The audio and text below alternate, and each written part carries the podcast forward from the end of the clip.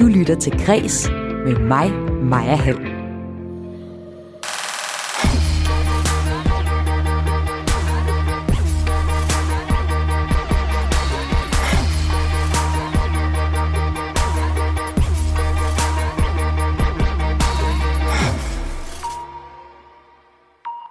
Ni af hans film er blevet vist på Filmfestivalen Cannes, men du kender ham nok ikke. Jakob Schulzinger. Han er dansker, og han er sidste gæst i sommertemaet Stjernerne i kulissen. Knap halvdelen af danskerne gider ikke at vente mere. De vil ud at rejse nu. Og også til lande, der frarådes at rejse til. Det viser en undersøgelse lavet for rejsesejtet Momondo, der har oprettet en ny side, hvor du kan få styr på, hvilke restriktioner der er i hvilke lande. Vi inspirerer og informerer folk, men vi dømmer dem ikke på, hvor de vil rejse hen, siger den danske talsmand for Momondo. Ham taler jeg med sidst i programmet. Du kan her i kreds også høre, at øh, konkurser har fået nordjyden bag nullerhittet Hang On til at genudgive det for tredje gang. Jeg hedder Maja Hall. Velkommen til kreds.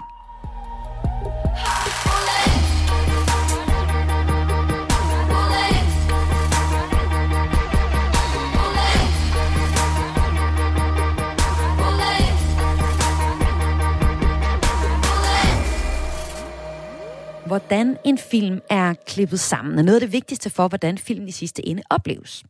Det mener i hvert fald Jakob Schulzinger, som du kan møde i dag i vores sommertema Stjernerne i kulissen. Jakob Schulz, han er, øh, Schulzinger, han er klipper, og så har han lavet både tv-serier, reklamer, musikvideoer og også en masse prisvindende film. Ni af dem er blevet vist på Filmfestivalen i Cannes. Og øh, han er også optaget som medlem af Oscar Akademiet, der står bag uddelingen af det prisvisfulde Oscar-pris. Men du kender ham nok ikke. Det skal du gøre nu. Den næste halve time skal du nemlig høre ham og hvem han er. For øh, selvom han egentlig har det bedst med, øh, at vi ikke sådan lige helt præcis øh, ved, øh, hvem han er, og at han ikke står i det der rampelys, så har han altså sagt ja til at få besøg af min kollega Astrid Date til at snakke om hans arbejde, der spænder frit fra DJ, øh, DJ øh, David Guetta til øh, filminstruktør Lars von Trier. Jeg sidder i Filmhuset med øh, dig, Jacob Schulzinger, klipper i dit kontor, som også lidt af dit klipperum her på øh, Goddersgade i København, lige ved Kongens Have, hvor øh, Filmhuset det ligger. Et kontor, hvor øh, du, Jacob Schulzinger, ikke bruger så meget tid lige nu, fordi at øh, du sidder ude i Centropa og klipper. Hvad er det, du er i gang med nu her? Lige nu der sidder jeg og klipper på tredje sæson af Lars von Triers Ride, som er en opfølger til den tv-serie, han lavede en gang i 90'erne. Og hvad har du lavet i dag, for eksempel? Åh, oh, i dag, jamen, jeg kan ikke fortælle så meget om det, men i dag har jeg siddet og klippet lidt på en scene, og så har vi snakket lidt om, hvad der skal ske i slutningen af sæsonen, som jeg sidder med en anden klipper, der hjælper til. Og du er jo øh, uddannet klipper, mm. og har klippet en øh, række spillefilm, blandt andet også øh, Lars von Triers Nymphomaniac, og øh, filmen The Square, der vandt hovedprisen ved Filmfestivalen i Cannes i 2017, Den Gyldne Palme. Du har også klippet øh, reklamer og et, noget af HBO-serien Big Little Lies, og en musikvideo for David Guetta. Ja.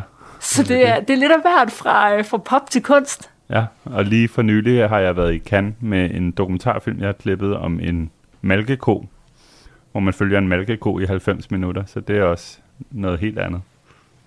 Og hvordan er du endt med øh, at sidde her og lave, øh, og sidde og klippe alle de her ting? Ja, hvordan er jeg endt her? Det startede jo nok med, at jeg var sådan et, et barn, hedder det vel nu, når man er blevet voksen. Øh, et barn, der ikke rigtig vidste, hvad jeg ville, når jeg skulle være stor. Jeg kommer fra sådan en lægefamilie, hvor rigtig mange er læger. Men så har jeg en moster, der er journalist, og så har jeg en tante, der bor i USA, som er filmklipper og klipper dokumentarfilm udelukkende. Og så havde jeg en periode, hvor jeg ikke vidste, hvad jeg ville, og jeg synes, alt var spændende, men også, at alt var for kedeligt til kun at lave det. Og så i en kort periode tænkte jeg, så skal jeg være journalist, fordi så kan jeg skrive lidt om hvert, og så behøver jeg aldrig at koncentrere mig kun om et fag hele tiden. Og så læste jeg lidt øh, samfundsvidenskab på RUK, og jeg søgte ind på journalistskolen i Aarhus.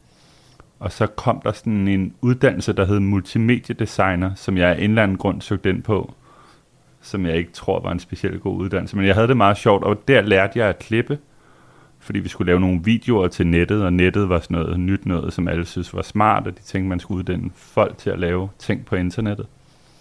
Og der sad jeg og klippede, og så havde vi mulighed for at komme i praktik, og så tog jeg i praktik hos min tante i USA, som på det tidspunkt sad og var midt i at klippe en dokumentarfilm om to homoseksuelle, der skulle have et barn.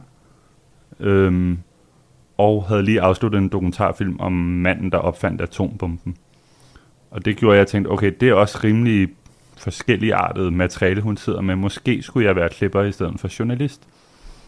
Og jeg fandt også ud af i den sammenhæng, at når jeg sad foran en computer og kiggede på filmet materiale og satte det sammen, at så forsvandt tiden, og jeg kunne sidde i mange timer. Og jeg har altid haft det lidt stramt over det skrevne ord. Altså for eksempel, så kunne jeg nærmest ikke sætte et komma, da jeg skrev stile i skolen og sådan noget, og så skulle jeg bagefter sidde og sætte komma, og det føltes som hårdt arbejde. Så derfor tænkte jeg, måske skal jeg klippe. Og vi starter jo også lige med at høre, hvor meget forskelligt du laver. Det lyder også som om, det er det, der drev dig i virkeligheden ud i, øh, Ja, det, det var det, der var grunden til det, man kan sige, at det var lige så meget, det var lige så meget, fordi jeg ikke kunne finde ud af, hvad jeg gerne ville, at jeg blev klipper, som at jeg gerne ville være klipper. Så skal det også siges, at jeg altid har været glad for at gå i biografen og se film og sådan noget, men jeg er nok ikke en rigtig filmnørd, som mange andre, der laver film er. Men hvis man vil lidt af det hele, så øh, kan man altså blive klipper. Det kan man. Og har man så et... Øh, altså, fordi så tog du en uddannelse efter... Øh, det lyder som om, du var i USA, hvor du oplevede, okay, det her, det, kunne- det kunne godt være noget Ja, for der dig. var jeg faktisk i gang med den der multimediedesigneruddannelse, som jeg så lavede færdig, men som jeg jo i virkeligheden ikke brugte til noget. Og jeg ved aldrig, jeg tror heller ikke, jeg ved ikke, om den stadig findes i dag. Jeg ved ikke, om de selv vidste, hvad man skulle bruge den til. Det var sådan en, hvor man lærte lidt om alt. Øh, og da jeg var færdig med den, hvad gjorde jeg så? Så fandt jeg ud af, at jeg gerne ville til USA, så jeg besluttede, at det skulle jeg prøve, men jeg havde ikke rigtig råd til at komme ind på nogle skoler i USA. Så derfor tog jeg til London, hvor jeg kom ind på sådan en skole, som BBC havde lavet, hvor man lærte sådan redigering hed det, som var meget mere sådan tv-minded klip, og der, jeg tror, der var faktisk via min moster på dengang på TV2, tror jeg, hun havde været, var der nogle redigeringsteknikere, der klippede nyheder, der havde gået på den skole og anbefalet dem. Så tog jeg derover, mens jeg var der, sendte min mor mig sådan et lille avisnotit om, at de søgte optag på filmskolen. Jeg havde faktisk aldrig tænkt over, at jeg kunne gå på filmskolen. Og så havde jeg ligesom to dage til at lave en ansøgning. Så besluttede jeg at lave den lidt med tanken, at det var måske meget godt at prøve at søge ind, fordi jeg ville selvfølgelig ikke komme ind, men så havde jeg ligesom den erfaring til næste gang, hvis jeg ville søge ind senere. Jeg havde også overvejet at søge ind i, i England. Og så kom jeg til den første prøve, og den næste prøve, og den næste prøve, og så lige pludselig var jeg kommet ind. Og så startede jeg på filmskolen. Og så er du altså den her, hvor du sidder og klipper ride med Lars von Trier og har en øh, film om en mælkeko på kanden aktuelt. Ja. Har man så også i, øh, altså, i at nå frem hertil et gennembrud, ligesom at man måske ser instruktører eller skuespillere have et, øh, en film, hvor okay, det er her, man lærer dem at kende? Mm, det har jeg egentlig aldrig tænkt over. Altså jeg tror, jeg tror på nogle måder fungerer det meget sådan som klipper, at hvis man har lavet noget, folk synes er godt, så vil de gerne prøve at arbejde med en. Og det kan være lidt specielt, fordi mange gange er det jo umuligt at vide, hvorfor det, man har lavet, er blevet godt. Det er jo ikke sikkert, at klipperen har været god. Det kan jo, som regel er det jo, fordi instruktøren har været god. Øh, men sådan fungerer det nok lidt i filmbranchen. At, at der er sådan noget med folk, der har lavet noget, som man synes er godt, dem vil man gerne arbejde med. Og hvornår lavede du noget, der var godt? Jamen det ved jeg ikke. Jeg lavede en kortfilm, da jeg gik på filmskolen, sammen med en islandsk instruktør, der hed Rona Runason, som jeg gik med. Og den kom på Cannes. Og det tror jeg... I virkeligheden var det nogle andre ting. Det gjorde, at jeg mødte en fransk producer, som, som så et, et gennemklip af den, og var der for at give feedback, men som så godt kunne lide de tanker, han hørte, jeg havde. Og derfor inviterede mig til sådan nogle screeninger, han holdt af de film, han arbejdede på. Til til at være sådan en, der kom og sagde, prøvede at sige noget klogt om dem. Og det endte så med, at han en dag spurgte, om jeg ville op og mødes med en svensk instruktør, som havde klippet alle sine film selv, men som han synes havde brug for en klipper. Og det var så der, jeg mødte Ruben Østlund. Så på en eller anden måde var det på grund af, at den film var god, men også på grund af, at han var der, kan man sige, og mødte mig. Og hvis man nu ikke er inde i sådan filmbranchen, altså Cannes er jo en af de mest prestigefyldte filmfestivaler, vi har. Er, det- altså er det noget særligt, at du fik en film med på festivalen, da du allerede gik på skolen dengang? Det tror jeg, det var. Altså, det er, der, det er øh, ret få. Altså, der er enormt mange film, der prøver at komme på den festival, og det er ret få film, der kommer med. Så det er sådan et nåleøje at få en film med der. Jakob Schulzinger, du er som øh, klipper en vigtig del af den helt store filmskabelse. Og derfor er du så også med her i Kreds af Sommertema, hvor vi undersøger stjernerne i bag kulissen, altså øh, dem som øh, dig, der udgør en øh, vigtig del af holdet, f.eks. bag en succesfuld film. Og hvis jeg nu gik ned på gaden her på Goddersgade og spurgte folk, så kunne de nok godt nævne en instruktør eller en skuespiller, og de kunne nok også sige nogenlunde, hvad man laver i en film som skuespiller og instruktør. Men vi skal snakke om, hvad det er, du konkret laver. Altså, hvad er din rolle i en filmskabelse? Og vi kan jo øh, passende tage udgangspunkt i øh, det, du så laver nu. Jeg ved godt, du kan så ikke fortælle så meget om øh, den næste sæson af Riget sammen med Lars von Trier, men hvordan er øh, arbejdet konkret? Hvordan kommer du ind i den proces? Hvor, hvor starter dit arbejde i den? Man kan sige, sådan helt groft sagt, så når man laver en film, så som regel har der siddet nogen og skrevet ned på et stykke papir, hvad de synes, der skal ske i filmen.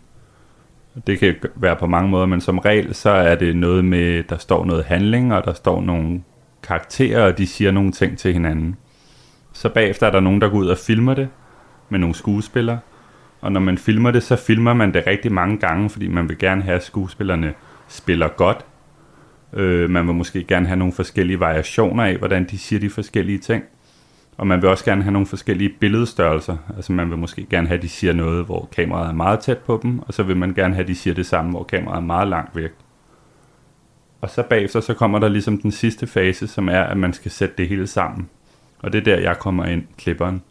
Og man kan i virkeligheden, taler man tit om i film, at man skriver en film tre gange. Man skriver den, når man skriver manuskriptet.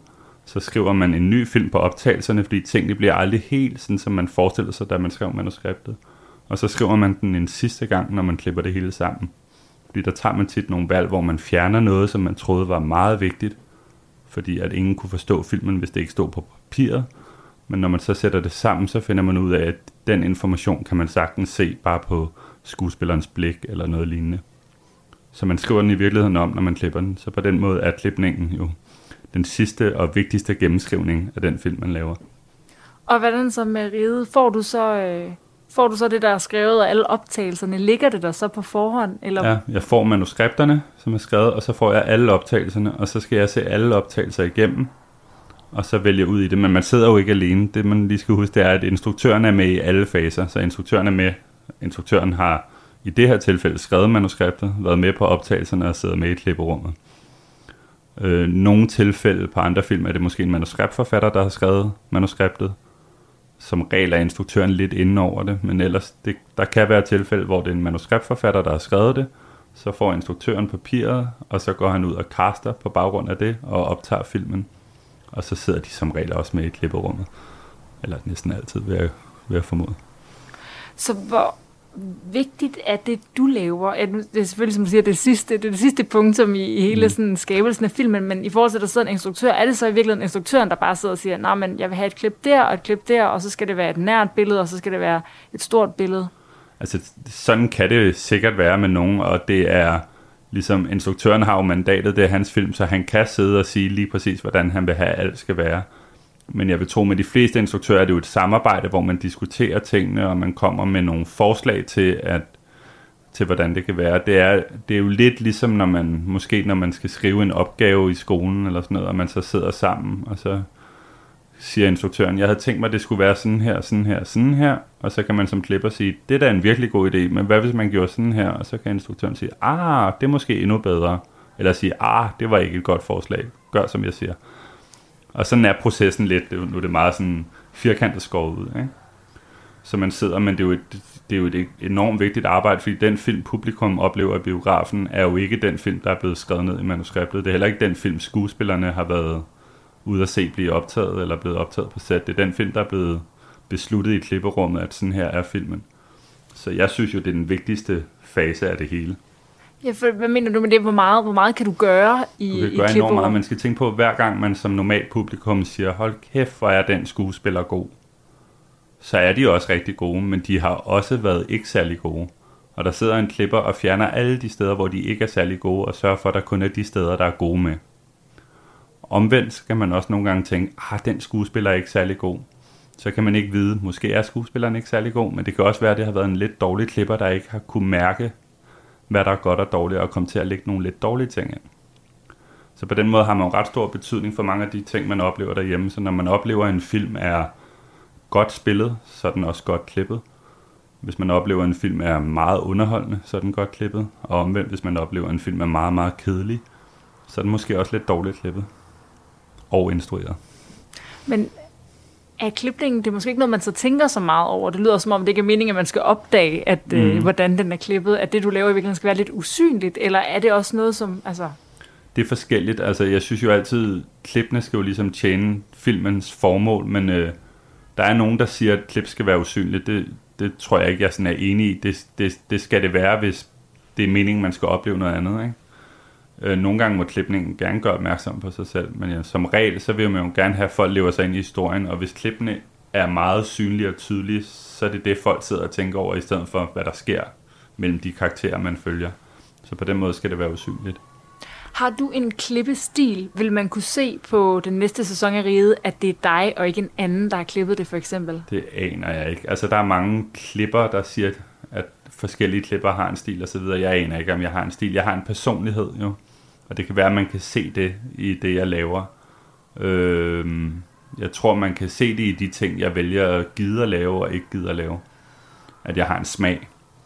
Øh, men jeg tror, man kan sige, at det der på en eller anden måde foregår, når man laver en film, det er jo, at man prøver at sætte noget op på lærredet, og så kommer der en masse mennesker, der skal kigge på det. Og så sker der et eller andet i rummet mellem det, man viser på lærredet, og det, der sker inde i hovederne på folk. Og det er jo det tankeværk, man som klipper og som instruktør prøver at tænke over, hvad kunne folk måtte tænke, hvis jeg viser det her? Og hvad vil folk så tænke, hvis jeg så viser det her? Og der har man som klipper, der har man jo kun sig selv som et, et apparat, et sanseapparat, der sidder og sanser. Og noget af det, der er smukt ved at klippe, det er, at man sidder og tænker, når i det her, der sanser jeg sådan her, sådan her, sådan her. Og hvis det så virker på andre, så er der et eller andet i mig, der er ligesom alle andre. Og det kan være en ret rar følelse at få ligesom genkende, at man har et sansapparat, der virker. øhm, så det er i virkeligheden det der rum mellem filmen og publikum, og det folk tænker, som er det spændende. Så du, hvis du har en krimi, hvor at det skal være meningen, at man tænker, måske har ham der gjort det, så kan man jo prøve at klippe det på en måde, så man tænker, oh, nu virker det lidt som om ham der har gjort det, så tror folk nok ham der har gjort det. Og det kan man jo undersøge, om virker ved at vise det til sine venner og sådan noget. Og på den måde skal man ligesom hele tiden sidde og tænke, hvad tænker folk, der ser det, som jeg ser? Og det gør man ved at sige, hvad tænker jeg selv, når jeg ser det? Så det er et meget sådan sansende arbejde, fordi det er jo alt, hvad der er. Sådan som jeg ser det, så er, er det et enormt informationsflow, man får i hovedet, når man ser en film. Man ser en masse billeder, der er 24 billeder per sekund. Man ser en masse billeder, man hører en masse lyd, man hører nogle ord, som er replikker, som har en betydning, et sprog, man ser nogle udtryk på folks ansigter. Alle de ting påvirker en. Der er musik, der påvirker en. Der er også farvetoner, der påvirker en. Så på en eller anden måde er film en række informationer, der bliver præsenteret for dig i en eller anden rækkefølge. Og der er enormt mange informationer, og de gør alle sammen indtryk. Så det er en kæmpe opgave som klipper at sidde hele tiden og vurdere, er, hvis noget skal være uhyggeligt, at det her billede i virkeligheden i en farve, der ikke er uhyggeligt, og derfor føles scenen ikke særlig uhyggelig, fordi det ikke ser uhyggeligt ud, eller er måden skuespilleren spiller på utroværdig, så det er svært for mig at blive bange, når jeg kan se hende der ikke rigtig er bange, og så videre, og så videre. Alt det skal man sidde og sanse og ligge i den rigtige rækkefølge for ligesom at opnå den effekt, man gerne vil have, at publikum har. Så det er et kæmpe puslespil, man sidder og laver. Ja, for at zoome ind på det, mm der er jo også noget, der hedder en color grader, der laver farver, så hvis der er en forkert farve, kan de måske rette den bagefter, og der er, og der er også, også en nogen, tonemester, der laver lyd, der laver lyd ja. og så videre, men du kan ikke, som klipper bliver du nødt til, du behøver ikke at kunne lave lyden færdig, fordi det er der nogen, der er meget bedre til, men du bliver nødt til at have nogle tanker om, hvad er lyden her. Hvis du forestiller dig, at du har en scene, hvor der er et par, der er op og skændes, og så råber manden, din idiot, og så går han ud af døren og smækker den skal du så se døren være smækket i et sekund, eller skal du se den lukkede dør i 10 sekunder? Det kommer jo lidt an på, om du kan høre ham på den anden side af døren, eller ikke høre ham. Og på den måde har du lige pludselig et rum, som er et lydrum, du kan lege med, men det betyder også noget med, hvor længe billedet skal stå. Og som klipper bliver du nødt til at tænke over, skal, skal vi stå på døren i 10 sekunder? Det kunne være, at der var noget, som var ret fedt at lægge nogle replikker. Måske kan vi opfinde nogle replikker, som vi kan optage bagefter, han kan sige, som ændrer, hvordan vi oplever slutningen af skænderiet, og så videre. Hvad kan du bedst at klippe? Fordi nu siger du, kan- man kan kigge på, hvad du laver, men det er jo så meget bredt, når det både er reklamer Ja. ja. og popmusikvideoer og Cannes-film og Trier-film. Hvad, hvad kan du bedst? Og krimi, og altså, Ja. jeg tænker Jeg også, det er kan i nogle forskellige måder at klippe på til de forskellige genrer. Det er der lidt. Og jeg kan i virkeligheden rigtig godt lide det med, at jeg prøver at klippe lidt forskelligt, fordi der er ligesom noget fra alle, hvis man skal kalde dem genre, øh, alle genre, man kan bruge til andre ting. Så for eksempel, når man klipper reklamer, skal man i tit være ekstremt hurtig. Man skal tit lægge noget op meget hurtigt for at kunne se det, fordi man har kort tid. Øh, og det kan være meget rart, sådan rent metodisk, at gøre det nogle gange, når man laver dokumentar, selvom man har lang tid, og der er meget materiale for hurtigt at få noget at se på og tage stilling til. I dokumentar skal man se en masse virkelighed, og der er det rart at have lavet fiktion for at finde ud af, hvordan kan jeg på en eller anden måde proppe den her virkelighed ned i en eller anden rækkefølge, så det opleves dramaturgisk, eller så det opleves spændende. Og så synes jeg øh, mindst lige så vigtigt, at når du har set rigtig meget dokumentar, så får du en ret god sans for, for, for virkeligheden og hvad der føles ægte og rigtigt. Øh, Du oplever, hvornår karakterer i dokumentarfilm ligesom spiller for kameraet og ikke spiller for kameraet. Og de sansninger kan du godt bruge i fiktion, når du skal vurdere, om en skuespiller spiller godt eller ikke spiller godt, når du skal vurdere, at det her måske i virkeligheden lidt for tykt sat sammen. Og det tror jeg, mange normale publikummer, nu er folk blevet så gode til at se film, mange oplever at se film og tv-serier, hvor de tænker, ah, historien er lidt tynd, og det her det er lidt for lavet. Det er lidt for tænkt af dem, der har skrevet det. Og sådan noget kan jeg ikke lide personligt, så det vil man gerne fjerne. Det er noget ukrudt, der skal klippes væk. Al støj og, og uægthed skal fjernes. Og når, når du så klipper, når du, nu hvor du sidder i fuld gang med riget inde på Centropa, er der så sådan en, øh, et mindset til klipningen, du sådan går ind til det med? Nej, det er meget, altså nu sagde jeg før, at det der, og det tror jeg også, at nogen siger, at klipperen er ligesom publikums repræsentant. De skal ligesom hele tiden tænke på, hvordan opleves det her publikum. Der tror jeg, jeg vil tilføje, at klipperen er mindst lige så meget instruktørens repræsentant. Så det handler rigtig meget om at finde ud af, hvad er det instruktøren vil, hvad kan instruktøren godt lide, hvad kan instruktøren ikke lide, hvad synes de er fedt i film, hvad synes de er dårligt i film, kan vi gøre sådan her i denne her film, eller kan du ikke lide det her, kan vi, hvad kan du lide? Så, så lige så meget af ens arbejde er at prøve at finde ud af, hvad vil instruktøren med det her. Og der tror jeg som klipper, at det er enormt vigtigt, at man er meget ydmyg, fordi mange, jo mere professionelle de bliver med deres arbejde, lærer, at man skal være meget, altså lære på en eller anden måde, at nu har jeg lært rigtig meget, jeg ved godt, hvordan man gør det her, nu skal jeg fortælle dig, hvor stolen skal stå, og skabet skal stå, eller hvad fanden det hedder. Øhm, og lære ligesom at blive meget selvsikker, det oplever jeg selv, nu er jeg ved at blive voksen, at mange voksne er meget selvsikre, og når man laver sådan noget som film og kunst og sådan noget, så tror jeg, det er enormt godt at være lidt usikker og lidt tvivlende. Og når man sidder og arbejder med en instruktør, så er det enormt godt at være nysgerrig, og være, man kan godt sige, sådan her synes jeg, det er fedt, men man bliver nødt til at have en tanke om, eller kan det være, at instruktøren vil noget med det her, som lyder ret ikke fedt, men hvis jeg lige har holdt tålmodighed og venter og prøver at følge ham ned ad den vej, han vil, så kan det jo være, at det i virkeligheden bliver rigtig fedt. Og det har jeg oplevet, nu kan jeg ikke huske et konkret eksempel, men jeg har oplevet mange gange, at nogle ting med de instruktører, jeg har siddet med, har jeg tænkt, åh, hvis instruktøren bare vil gøre, hvad jeg sagde, så vil det her blive rigtig godt. Og så på et eller andet tidspunkt, så falder tiøren for mig, hvor, ah, nu forstår jeg, hvorfor de var så stadig, de har ret. Så derfor er det enormt vigtigt, at man ligesom også holder sig åben i den der afsøgning af, hvor skal filmen hen. Jeg må godt høre, at det bliver meget til den klipning i samarbejde med instruktøren. Ja. Hvordan er det så at arbejde sammen med Lars von Trier? Det er enormt dejligt, synes jeg. Han er enormt sød og enormt dygtig, så det gør det meget nemmere for mig. Er kan du man også sige. ydmyg og nysgerrig i den proces? Ja, jeg er enormt nysgerrig på, hvad han vil, og jeg synes, han er... Det jeg altid godt. Jeg er jo som sagt ikke sådan en rigtig filmnørd, og det jeg sådan langsomt har fundet ud af, jeg godt kan lide ved film, det er, når de rummer noget, jeg aldrig har tænkt over eller set før. Det er i virkeligheden bare det, jeg godt kan lide. Jeg bryder mig ikke særlig meget om at se film, hvor jeg oplever en handling eller en historie, jeg har set i nogle andre film. Jeg kan godt lide, når jeg oplever, gud, en sjov scene, der jeg aldrig tænkt over, at to mennesker kunne sige sådan her til hinanden, eller den her følelse har jeg aldrig mærket før, andet end når jeg ser den her film. Og det synes jeg, at Lars von Trier altid har kunne lave noget, som du aldrig havde tænkt, man kunne lave før. Og nu er han Og jo også... er- ja. Nu er han jo også en ret stor øh, instruktør, men kan du godt i den proces og i det samarbejde også sige sådan, hey, kunne man altså gøre det her, eller lave anderledes, eller holde det her billede længere eller kortere? Ja, ja, sagtens. Øh, det synes jeg ikke er svært, og så siger han jo bare ja eller nej. Altså det er jo det, man skal huske.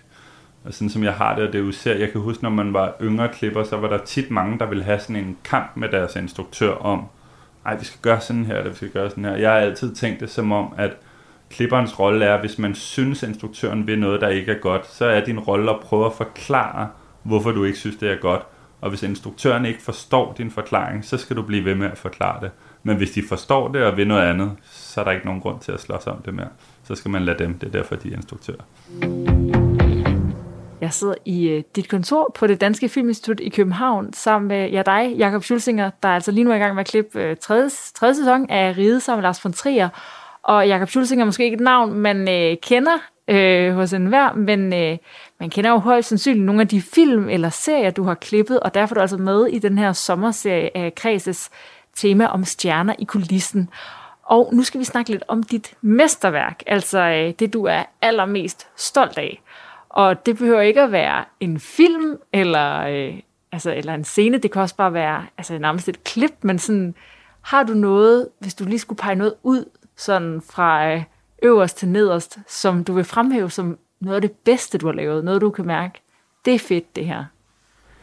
Åh, oh, det synes jeg er svært. Øhm, jeg synes jo faktisk, at alle de ting, jeg har lavet, er ret fede, og jeg synes selv, jeg har været prøvet at være meget øhm, bevidst om kun at lave ting, jeg synes er fede. Så jeg har også sagt nej til mange ting, som jeg ikke synes var fede nok, som jeg er sikker på, at alle andre mennesker synes er meget federe end det, jeg har lavet. Men det har været meget vigtigt for mig, ligesom, øh, fordi det er meget tidskrævende at lave film, og det, man skal bruge meget af sig selv og sit eget sanseapparat, så det har været vigtigt for mig ikke at slide på det ved at lave ting, som jeg egentlig synes, oh, det er ikke en særlig god historie, eller det er lidt kedeligt, eller det, så er det svært for mig at være, være mig selv. Øhm, Hvis du skulle komme med nogle eksempler. Jeg altså, den første film, jeg lavede med Ruben Østlund, som hed Play, var jeg faktisk rigtig glad for, men det var nok også fordi, at der, jeg mødte Ruben på et tidspunkt, hvor jeg synes, han lavede nogle film, jeg slet ikke havde tænkt over, man kunne lave. Og Play var lidt sådan en film, jeg ikke havde tænkt over, man kunne lave.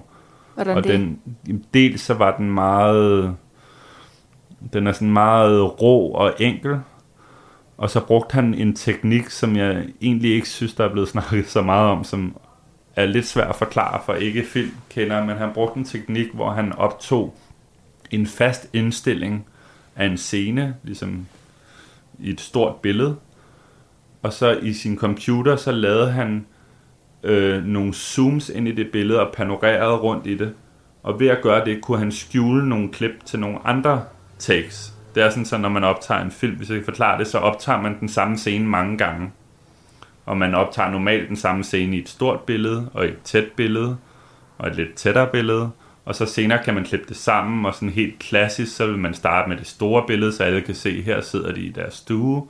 Og så vil man klippe lidt tættere på, når de begynder, hvis det er et par, der skændes, for at bruge den det eksempel igen, så vil man klippe lidt tættere på, og så når skænderiet er det helt hæftigste, så vil man være helt tæt ind på deres ansigter og mærke, hvordan de har det. Og så når den ene er gået, så vil man måske klippe ud til et stort billede, så man kunne se tomrummet, og den anden sidder og er ensom. Øhm, så, og for at kunne det, så skal man optage skuespillerne sige de samme ting mange, mange gange, fordi de skal sige det i den ene billede og i det store billede, og så man optager tingene mange gange, og det kalder man på engelsk takes. Jeg kan faktisk ikke huske, hvad det hedder på dansk. Øhm, og Ruben han optog så de her store billeder øh, i flere take, men det var på et fast kamera, så kameraet var altid stående det samme sted, og det bevægede sig ikke. Og det gjorde han så ved at lave de her digitale zoom rundt i billedet, kunne han skjule klip til nogle andre optagelser. Og på den måde kunne han lave det, der i filmsproget hedder en mise en scène, det vil sige et arrangement af, hvornår skuespilleren kommer ind i scenen og går ud af scenen. Og det bedste eksempel på det er en kortfilm, han lavede, før han lavede Play, der hedder Incident at a Bank, som er en ret fantastisk kortfilm. Og den teknik brugte han også i Play, og det, det synes jeg var ret godt fundet på af ham. Så det skulle du også sidde og Så gøre? det skulle jeg også sidde og gøre, ja. Øhm, og det, var, det synes jeg bare var fascinerende, han havde fundet på, på det. Og så kunne jeg godt lide filmen, den er meget rå, det er sådan ligesom, den er baseret på nogle virkelige hændelser i Jødeborg, hvor man følger nogle tre hvide drenge, der bliver udsat for sådan et træktyveri af fem sorte drenge. Øhm, som så følger dem, en, der ligesom lokker dem ud på sådan en rejse for at få deres mobiltelefon. Og den har de så, de har baseret den på sådan nogle, øh, øh, hvad det hedder, case studies af det. og så øhm, lavet en film, som er sådan meget realistisk, vil jeg sige. Det lyder som om, du har arbejdet med instruktører, der også har haft stærke meninger om, hvordan klipningen skulle være. Ja. Men du siger også, at klipningen er noget af det vigtigste for filmens endelige øh, udtryk. Synes du, at klipper får nok anerkendelse for, for den del, de har i, øh, i at skabe en film? Altså det, det er jo åh, det er svært at svare på, fordi det synes jeg jo på en eller anden måde overhovedet ikke, det gør, fordi jeg synes jo, vi er sindssygt vigtige. Men man kan også sige, hvis der ikke har været en manuskriptforfatter forinden, hvis der ikke har været nogen skuespillere på sættet forinden, så havde vi ikke haft noget at lave. Så det er lidt, hvordan man ser på det på den måde, men det er jo generelt for klipper ikke meget opmærksomhed. Øh, men generelt er klipper også tit nogle typer, som ikke vil have så meget opmærksomhed, så det er jo også... Øh, øh, på den måde giver det måske lidt sig selv, men jeg synes da, at det ville være rart, hvis folk vidste, hvor stor betydning på den måde. Jeg ved ikke, om man har brug for mere opmærksomhed, men det er jo rart, at der er flere, der ved, at vi faktisk har helt vildt stor betydning for, om den film, du sidder og oplever, er god. Og det er jo helt ned i én ting, for det er det, folk tit tænker på. Det er jo selve handlingen i en film, om de kan lide den, eller om replikkerne er gode eller dårlige, eller ej, det skulle han ikke have sagt. Det kunne en klipper have klippet ud. Øhm, men det kan også være helt ned i sådan noget med, hvordan, som er svært at forklare, men hvordan en film føles tit, så, så føler man, når man laver film, sådan har jeg det i hvert fald, at en film har ligesom en rytme. Og når den rammer sin rigtige rytme, så er filmen også lidt færdig. Og det er jo meget sådan sanselig fornemmelse, man har. Det er jo lidt sådan, som musikere sikkert har det, når de laver et nummer, så kunne man ikke have omkøret en gang til. Det er så fedt. Der skal jo sidde en musiker og beslutte, nej, det er for meget. Hvis der kommer en gang til, så, øh, så vil man ikke høre det igen, og så videre. På samme måde har film også sådan en rytme, som klipperen sidder og styrer. Øhm, så jeg synes, det er helt vildt vigtigt, fordi det er det, mit arbejde, som folk møder. Folk møder øh, ikke, de møder også skuespillerens arbejde, men de møder jo ikke hele hans arbejde. Hvis folk skulle se alle optagelser af Meryl Streep, eller alle optagelser af en eller anden, så ville de jo kede sig ihjel. De ser de bedste performancer, det er mig, der sidder og vælger dem. Og hvordan har du det selv? Kunne du godt bruge mere opmærksomhed for det, du laver? Øh, nej, for nu har jeg sagt ja til det her, så det synes jeg er mere end rigeligt, så det tror jeg bliver sidste gang, jeg skal sige noget nogen steder. og øh, du arbejder jo sammen med øh, Lars von Trier, som man jo godt kunne øh, sige er en, der har lidt stjernestatus. Men jeg vil gerne høre dig sådan helt generelt. Har du mødt nogen, eller hvem har du mødt, hvor du virkelig sådan har været starstruck? Altså det kan jo både være i samarbejde, eller i sådan forbindelse med dit arbejde. Mm. Så det tror jeg ikke rigtigt, jeg har mødt nogen, hvor jeg var sådan rigtig starstruck. Jeg, jeg er sådan en, der aldrig har været fan af nogen rigtig. Øh, heller ikke da jeg var barn. Altså jeg der synes, alle mulige var seje og dygtige, men jeg tror, jeg har det sådan lidt med... Jeg synes, det er sjovt at møde folk, der er kendte. Det var meget sjovt at kunne sige, at man har mødt nogen og sådan noget. Men jeg tror ikke, jeg har været starstruck. Jeg var, nu er det en del år siden, jeg mødte Lars von Trier første gang. Jeg synes, at det var spændende at skulle møde ham, og jeg har været virkelig glad for at møde ham, fordi jeg rigtig godt kan lide ham, og han er sød. Øhm, så jeg mødte Nicole Kidman en gang. Det var meget akavet, synes jeg. Hvorfor? Fordi jeg skulle møde, det var, vi skulle, hun havde inviteret alle dem, der sad og klippede det der Big Little Lies, ind og se en film, hun havde lavet. Og så skulle vi op og hilse på hende, og så, det er sådan noget, de der kendte mennesker har jo alle, de har så travlt, og man skal stå og vente og sådan noget, når man skal møde dem. Så vi skulle stå og vente i sådan en meget, meget lille mørkt rum. Og så skulle vi, hvor der var en dør, og så lige pludselig kom hun ind i rummet, og så blev jeg nødt til ligesom at flytte mig, for at hun kunne være der, så jeg endte op i sådan en krog ved den der dør, og så stod hun lige ved siden af mig, og jeg vidste ikke rigtig, hvad vi skulle andet end at sige hej til hende, og så stod hun og snakkede med nogle af de andre, og så kiggede jeg jo bare på hende, fordi hun stod og snakkede med dem, og så lige pludselig kiggede hun på mig og sagde, hvorfor glår du sådan på mig? Og så var jeg sådan, øh, fordi jeg har fået at møde dig, eller hvor fanden skal jeg ellers kigge hen? Så det var lidt akavet. Men det er det eneste, tror jeg, akavet møde, jeg har haft. Ellers har alle, jeg har mødt, været ret søde. Ja, det næsten dumme, der starstruck. Det var ja. struck. jeg var bare struck, ja. Eller jeg var sådan lidt paf, hedder det, ja, tror jeg på det. Og, men hun var meget sød efter, det var ikke sådan, men det var, det var bare underligt. Hvad skal du så i morgen, når du er tilbage i klipperummet på Centropa? Du sagde i dag, der snakkede lidt om, hvordan slutningen skal være. Er I ved at være i mål? Nej, ikke nu. Vi har noget tid endnu, men vi klipper lidt uh, rundt omkring på de forskellige afsnit. Jeg må, jeg må i virkeligheden, tror jeg, ikke sige særlig meget om det. Altså, det eneste, jeg tror, jeg godt må sige, det er, at det bliver rigtig, rigtig godt og rigtig sjovt. Uh, men uh, ja, så skal jeg sidde og kigge på materiale og klippe scener og så videre. Men det var dejligt, du ville øh, give dig tid til at fortælle her om dit arbejde og være med til at give klipperne lidt opmærksomhed, selvom du ikke selv øh, har det så fedt med at stå i rampelyset. Jeg synes, det er vigtigt, at klipperne får noget anerkendelse for det arbejde, de laver, fordi det er helt vildt vigtigt. Altid. Tusind tak, Jacob Schulzinger. Det var så let. Og det var min kollega Astrid Date, der havde talt med klipper Jakob Schulzinger. Dagens gæst og dagens sidste gæst i vores sommertema her i Græs, der hedder Stjernerne i kulissen, hvor vi gennem de sidste to uger har mødt 10 kunstneriske talenter, som du måske aldrig har hørt om, men som har en kæmpe betydning for de kulturelle perler og succeser, vi kender. Og du kan jo høre, eller genhøre, alle de her dejlige kunstneriske talenter ved at finde Kreds som podcast. Det gør du for eksempel ved at downloade Radio 4's podcast-app, eller bare finde Kreds der, hvor du plejer at lytte til podcast. Du lytter til Kres med mig, Maja Hall. Og Græs sender hver evig eneste dag fra kl. 14.05 til 15.00.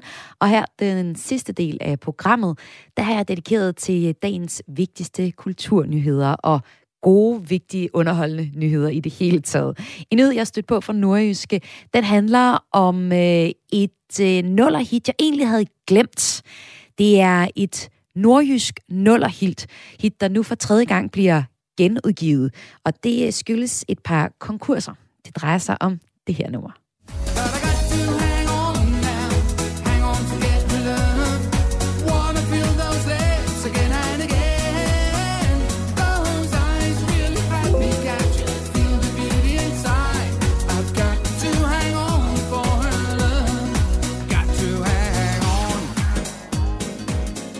Kan nok godt huske nummeret, hvis øh, du var vågen i nullerne. Det, det er Hang On med kunstneren Freedom, eller Hans Henning Terp Hansen, som manden bag hittet hedder. Og han hedder altså Hans Henning med bindestreg, og Terp Hansen med bindestreg igen. Og øh, det er altså det her nummer, der øh, nu for tredje gang bliver udgivet, for måske at Hans Henning så endelig kan tjene nogle penge på nummeret. Nummeret har en sjov historie, og nu får du lige den hele hæng på, ikke? Altså, nummeret er fra 2000, og øh, har solgt både øh, guld, platin, dobbelt platin. Men Hans Henning har ikke tjent særlig meget på nummeret fordi det pladeselskab, der øh, udgav nummeret dengang, gik nemlig konkurs, og kontrakten den var ikke sådan helt optimal. Så der kom ikke særlig mange penge ind, selvom at det her nummer virkelig blev spillet meget i nullerne. Derfor så prøvede øh, Hans Henning så i øh, 2007 og få lavet et remix af Hang On. Og igen, så blev nummeret spillet flittigt, men igen så var Hans Henning Terp Hansen uheldig, for endnu en gang var der en konkurs med ind over forløbet. Helt præcis hvilken konkurs, det øh, svarer artiklen fra Nordjyske ikke helt på. Men artiklen fortæller, at nu for tredje gang genudgiver Hans Henning Terpansen nummeret Hang On i en øh, ny version. Det er en akustisk version. Og det er øh, her i øh, 2021, lige om lidt, det nummer kommer. Og denne gang så har han sikret sig rettighederne til nummeret uden mellemmænd. Så måske kan Hans Henning Terp Hansen endelig tjene på Hang On. Og en lille sjov historie i øvrigt. Altså Hang On, det er egentlig et nummer, der slet ikke er skrevet af Hans Henning selv. Det er af musiker Jesper Lundgaard. Og øh, Hans Henning hørte det første gang nummeret, da han som DJ for over 20 år siden blev bedt om at spille en hjemmebrændt CD.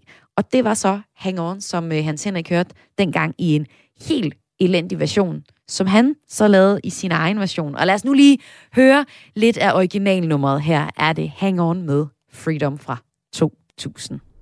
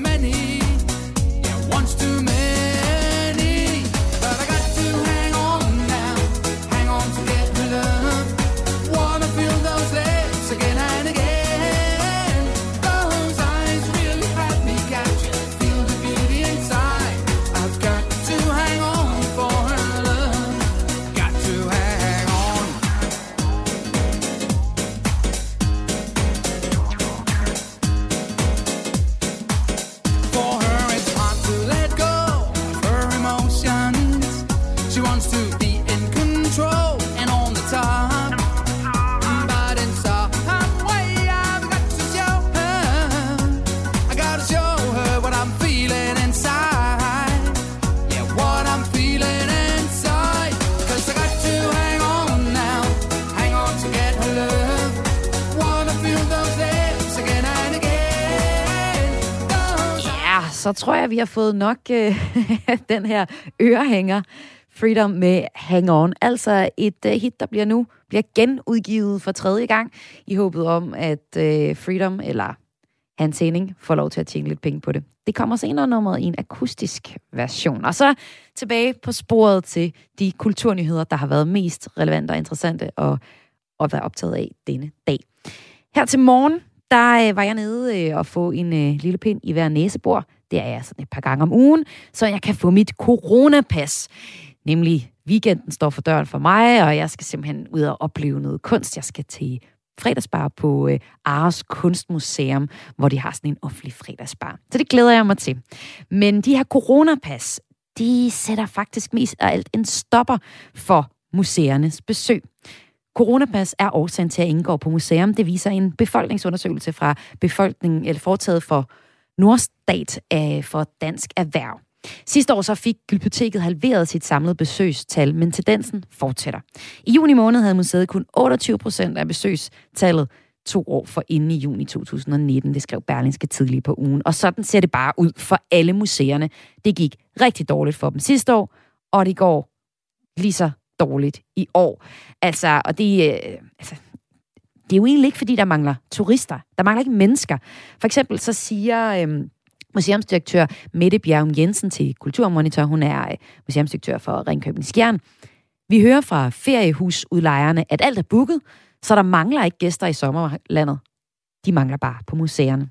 Og det er altså det her lille coronapas, der står øh, tilbage som museens sidste benspænd efter udfasning af mundbind og timeslotbetaling.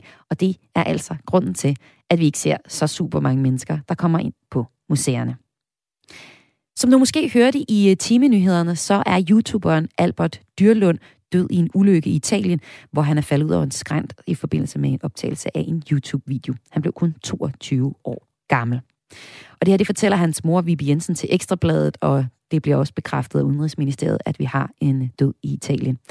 Albert Dyrlund er måske ikke kendt for så mange danskere, men den er, han betyder til gengæld rigtig, rigtig meget for mange unge danskere. På Instagram, der har han 224.000 følgere, så der er altså øh, god sandsynlighed for, at hvis du møder et ung menneske i dag, så vil vedkommende faktisk kende Albert Dyrlund og hans videoer på YouTube også, hvor han havde 168.000 følgere, og blandt andet havde sådan nogle sange, der hed Sommer, Emoji, Vafler, Ulla, Hellerup-drengen.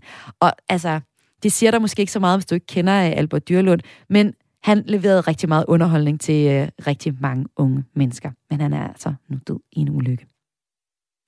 Den sidste korte nyhed, jeg har øh, på til dig, inden vi skal have en lidt længere historie om øh, vores rejselyst, den handler om, at først Elton John, så Dua Lipa, og nu også Madonna, kritiserer den amerikanske rapper That Baby for hans ret ubehagelige, grove ytringer fra sidste weekend. Det er sådan, at øh, til en koncert i søndags, der bad han publikum tænde deres øh, telefonlys og række den i vejret. Altså lidt ligesom smid jeres, jeres hænder i vejret, hvis I er enige med mig. Og det bad han så øh, folk om at gøre, hvis de øh, ikke havde AIDS, hvis øh, damernes underdele duftede bedre end dårligt, og hvis mændene øh, ikke var homoseksuelle. Altså nogle ret nederen ytringer. Vi kan høre ham sige det her. That'll make you die in two, three weeks. Put a cell phone light in the air. Lady, if your pussy smell like water, put a cell phone light in the air. Fellas. Lights up. Fellas, if you ain't sucking nigga dick in the parking lot, put your cell phone lights air. Ja, det er sgu grove ting, han får sagt her. Nu er han så underskyldt i en musikvideo, efter først at kommet med en række udtalelser i sine Instagram stories, hvor han sagde, at udtalelserne var ikke tiltænkt et større publikum. Altså, hvor man kan sige, hallo, du har sagt det, om du har sagt det til fem mennesker eller 5.000 mennesker, og du så har sagt nogle rigtig dumme ting. Og øh, det er altså også flattet flere kendte mennesker for brystet, der er gået ud og ligesom slået en streg sagt, det her, det siger vi altså ikke i 2021. Den ene, det er Elton John, som i 1992 stiftede Elton John AIDS Foundation, og desuden er homoseksuel. Og han skrev på Instagram, hiv misinformation og homofobi har ingen plads i musikindustrien. Vi er nødt til at nedbryde stigmatiseringen omkring HIV og ikke sprede den. Som musikere er det vores arbejde at bringe mennesker sammen. Og det er Madonna fuldstændig enig i. Hun forklarer faktisk ret pædagogisk på Instagram, altså der findes AIDS-medicin, og man skal ikke øh, i det hele taget ikke hænge folk ud med en sygdom, og understreger også det her med, at det er fuldstændig latterligt at hænge kvindens underdel ud, for at den skal dufte af vand, som han faktisk øh, siger, at den helst skal dufte af. Og øh, at folk som ham, ham her rapperen, da baby simpelthen er grunden til, at vi lever i en verden delt af frygt. Og øh, her der spiller jeg lige en øh, lille smule af The Last Song af Elton John. En sang, der handler om en far, der taler med sin homoseksuelle søn, der er ved at dø af AIDS-relateret sygdom.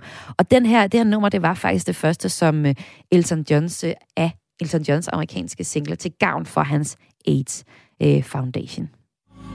I'd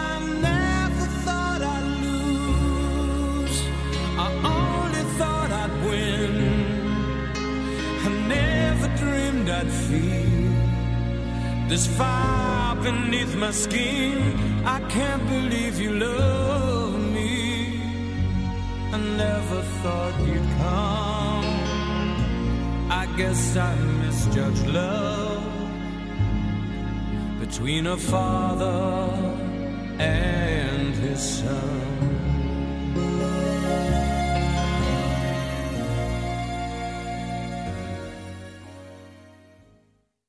Danskerne gider ikke vente mere. De vil ud og rejse nu. Og det er også til lande, som der egentlig frarådes at rejse til. Det viser en undersøgelse af danskernes ændrede rejsevaner, der er blevet foretaget af Ginger Coms på vegne af rejsehjemmesiden Momondo, og det er i perioden fra 28. juni til 2. juli her i år. Det er sådan, at 45 procent af danskerne i undersøgelsen, de gider ikke længere vente med at rejse ud, og drømmerejserne, de dem er der rigtig mange af, og Momondo har lanceret et nyt et site, der hedder Rediscover Travel. Og øh, nu har jeg fra Momondos Per, per Christ, Christiansen med mig. Velkommen til, Per. Jo, tak. Jeg skulle lige have styr på telefonen. Den var der, det er godt. Per, du er Momondos danske talsperson, og hvis jeg nu går ind på Rediscover Travel, hvad får jeg så ud af at klikke ind på den hjemmeside? Man kan sige, at vi har jo hos Momondo virkelig oplevet, hvad der er sket på, på rejsemarkedet. Og øh, det vi kan se, folk de er begyndt at søge efter, det er, øh, corona har ændret på rejse. Øh, og det betyder, at, at der bliver stillet en masse krav nu med rejserestriktioner og, og, og krav til, hvor kan vi egentlig rejse hen, og hvad kræver det. Øh, så det vi har lavet på, på vores site med Rediscover Travel, det er for det første at give inspiration til, hvilke destinationer kan man så til, hvis man er til sol, eller man skal rejse med børn, eller et eller andet tredje. Og samtidig så har vi også lavet en relativt simpel kort oversigt over øh, restriktioner, rejserestriktioner i hele verden. Og sådan at det for den rejsende er relativt nemt at få et overblik over, hvor kan jeg tage hen nu, øh, og hvad kræver det, hvis jeg skal afsted. Og hvad har I egentlig oplevet? Altså, hvorfor har I lanceret lige præcis den her side lige nu? De, de rejsende har jo efterspurgt det. Øh, den undersøgelse, du, du kort refererede til, viser jo, at at, at vi er, alle sammen er lidt i ventesituationen lige nu. Ja. Øh, og nu begynder vi at blive vaccineret løbende i Danmark. Øh, og så er det over halvdelen af os, jamen nu skal jeg ud og have den store rejse, nu skal jeg have drømmerejsen. Øh, men jeg mangler noget mere information øh, til, hvor, hvor kan jeg tage hen, og, og hvad kræver det. Og, og altså, er det her, er det, er det sommer? Er det, er det sommerferien, folk gerne vil finde ud af, hvor de skal rejse hen? Det, det er både sommer, øh, men bestemt også efteråret. Ja. Øh, vinterferien øh, forventer vi bliver stor i år, så man kan sige, rejse aktiviteterne plejer jo at gå ned efter sommer, øh, og så går de op igen, når vi rammer over i, i januar måned. Øh, det vi forventer i år, det er egentlig, at rejseaktiviteterne vil ikke falde lige så meget, som de plejer, men vil fortsætte ind i efteråret, fordi vi, vi er så hungrende efter at komme afsted. Øh, så vi forventer et, et relativt højt efterår på, på rejseaktivitetsfronten. Og så prøver vi så at hjælpe danskerne til at finde ud af, hvor man kan rejse hen. Og øh, vi vil rigtig gerne rejse, og vi gider faktisk heller ikke vente mere. Nu vil vi bare afsted. Og hvis man kigger i jeres undersøgelse på nogle af de steder, vi gerne vil rejse hen, så er det jo for eksempel all-time favorite, uh, favorite uh, Italien. Det er altid en hitter, der vil danskerne altid gerne til. Der er også Italien. Men så er der også lande som uh, Grækenland og Thailand og Tyrkiet. Og hvis vi kigger på uh, jeres uh, hjemmeside og også udenrigsministers uh, liste over steder, de fraråder, at man rejser til, hvis ikke det er en nødvendig rejse. Men det er jo også lande, som I guider uh, brugerne til at rejse til. Hvordan kan være, I gør det? Jeg tror, det, det vi sidder med som Momondo, det er jo, at, at vi vil egentlig bare give forbrugerne information. Øh, vi er jo også selv rejsende, øh, alle os, der arbejder hos Momondo, og, og har jo også selv den der ønske om, giv mig nu informationen, så kan jeg selv tage stilling. Så altså, det vi gør, det er egentlig, vi lægger al information frem, så du nemt på en kortsøgning på det her site, der hedder Rediscover Travel, kan du på et kort gå ind og sige, jeg har øh, fået mit, øh, jeg er blevet vaccineret, to gange for eksempel, så kan jeg klikke det af og sige, hvor kan jeg så tage hen? Hvad er det for nogle krav, der bliver stillet til mig? Øh, hvad er det for nogle muligheder, jeg har? Hvis jeg ikke har det endnu, øh, men, men jeg skal have nogle test eller, eller karantæne osv., så, øh, så kan jeg klikke de ting af på, på den her kortsøgning, øh, og så kan jeg nemt se, hvad for nogle muligheder er der. Så for os er det vigtigt, at forbrugeren selv vælger, øh, hvor øh, hvor de vil hen. Hvis de ikke vil ud af landet, øh, og det har vi jo rigtig mange, siger rigtig mange år, der siger, at jeg bliver i Danmark, øh, så ligger der også på sitet et, et staycation, vi har lavet et helt andet, et ekstra, en ekstra underside på Momondo, øh, som kun handler om rejse i Danmark. Øh, og det giver altså forbrugeren mulighed for at sige, okay, hvor skal jeg egentlig hen, øh, hvis, hvis jeg vil blive i Danmark, for ikke at have alle de her restriktioner udefra. Øh, og det, der, der har vi været rundt i Danmark og talt med en masse spændende mennesker, som fortæller, øh, hvorfor du skal komme lige præcis til, til Møen, øh, hvis det er Møen for eksempel, eller andre steder i Danmark. Øh, så, så, så den del prøver vi også at, at hjælpe forbrugeren med at sige, det er inspiration, hvis du vil blive hjemme, men der er bestemt også inspiration og, og vejledning, hvis du vil ud i landet, eller ud af, ud af Danmark. Og Per Christiansen, I har sådan en, en test, man kan tage, hvor man kan blive inspireret til, hvor man skulle hen. Og øh, jeg tog testen nogle gange, og jeg fik mange spændende steder. Men der er jo ingen af de her steder, som jeg burde tage hen. Hvordan kan det være, at I ikke viser lidt samfundssind, og så bare sender os alle sammen til en øh, tur til Bornholm, eller til Skagen, eller nogle andre steder herhjemme? Det, det, kunne, også, det kunne også være et sjovt, et sjovt eksperiment. Men, men jeg tror for os, at det, er det ikke så meget... Øh, for os handler det ikke så meget om samfunds, samfundssind. Det handler om, at vi, vi alle sammen jo er rejsende, mere eller mindre, øh, og vi vil gerne stille, stille informationen til rådighed, fordi vi står alle sammen i en situation, hvor det er meget, meget svært at finde ud af, hvor kan jeg egentlig tage hen? Hvad for nogle muligheder har jeg egentlig? Og der er måske nogle steder, som du også siger, der er måske nogle steder, hvor man siger, du kan godt tage dig hen, men vi fraråder det lidt, og der er nogle steder, hvor man siger, her kan du godt tage hen. Det er helt sikkert. Øh, så, så det vi gerne vil, det er at prøve at give den rejsende den information og den gennemsigtighed. Øh, og det er egentlig det, der er vores formål. Og så er det lidt op til den rejsende, hvad de forventer, øh, og hvad, hvad de stiller af krav til, til hvor de vil hen. Ja, man skal jo nok lige skrue lidt på sine, uh, sine forventninger, fordi uh, nu er jeg jo klar over, at du, uh, Per Christiansen, du er Momondos uh, talsperson, og Momondo er jo den her lille side, der uh, giver en rejseguide og uh, hjælper os med at booke uh, billetter, hvis man går, vælger at gøre det gennem jer, altså. Men uh, så du vil selvfølgelig gerne sende danskerne ud at rejse, men det er jo også med restriktioner det hele, ikke? Altså, hvis man ser på jeres, uh, lige før jeg gik i studiet, kiggede jeg lige på jeres hjemmeside, der siger at grænserne er åbne i ni lande, og åbne med restriktioner i 38 lande. Så hvilke ture er det egentlig, I sender danskerne ud på? Lige nu, at man sige, de, de store rejsemål, øh, de er helt klart inden for Europa. Øh, og det er der, hvor vi kan rejse til nu. Ud af Europa er det svært. USA er, er lukket. Svært at komme til Asien osv. Så, så det er europæiske destinationer. Øh, og når vi rejser ud af Danmark, så elsker vi jo syd, øh, hvad det, Sydeuropa. Så, så, så det er de sydeuropæiske lande, øh, lande og øer. Skal du selv ud og rejse, Per? Jeg er faktisk på ferie lige nu, mm. øh, men øh, er i sommerhus. I Danmark? Så, I Danmark. Mm. Så øh, for mig blev det en... Vi har lige fået hund, som alle andre, der også har fået hund under corona. Så, øh, så for os blev det et valg med, hvad gør vi med hunden? Øh, og det blev altså et sommerhus i år. Eller i hvert fald øh, lige nu. Efterårsferien, den, den bliver forhåbentlig ud af landet. Og så tør du godt at rejse ud af landet, og, og ud, selvom der er restriktioner mange steder? Øh, vi ved det jo ikke. Vi ved jo ikke, hvordan restriktionerne er på det tidspunkt. Jeg tror for os, at det er mere et praktisk ting med at, at få pasning af hund øh, okay. til at hænge sammen med at komme ud, ud og rejse ud af landet. Øh. Per Christiansen, Momondos danske talperson, tak fordi du var med her. Tak, og rigtig god dag lige måde. Og jeg taler altså med Per, fordi at Momondo har lanceret en øh, hjemmeside, der hedder Rediscover Travel, hvor du kan få nogle guides og inspiration til, hvor du kan rejse hen, og hvordan restriktionerne ser ud i de forskellige lande. Men husk, lige nu så er det altså sådan, at Udenrigsministeriet opfordrer os til at blive hjemme i sammenligning med at rejse til rigtig mange lande, hvor øh, der altså er restriktioner. Det her, det var ved at være det sidste for Græs for i dag, og jeg skal lige om lidt uh, sende dig på weekend. Jeg gør det lige til tonerne af Allan Olsen.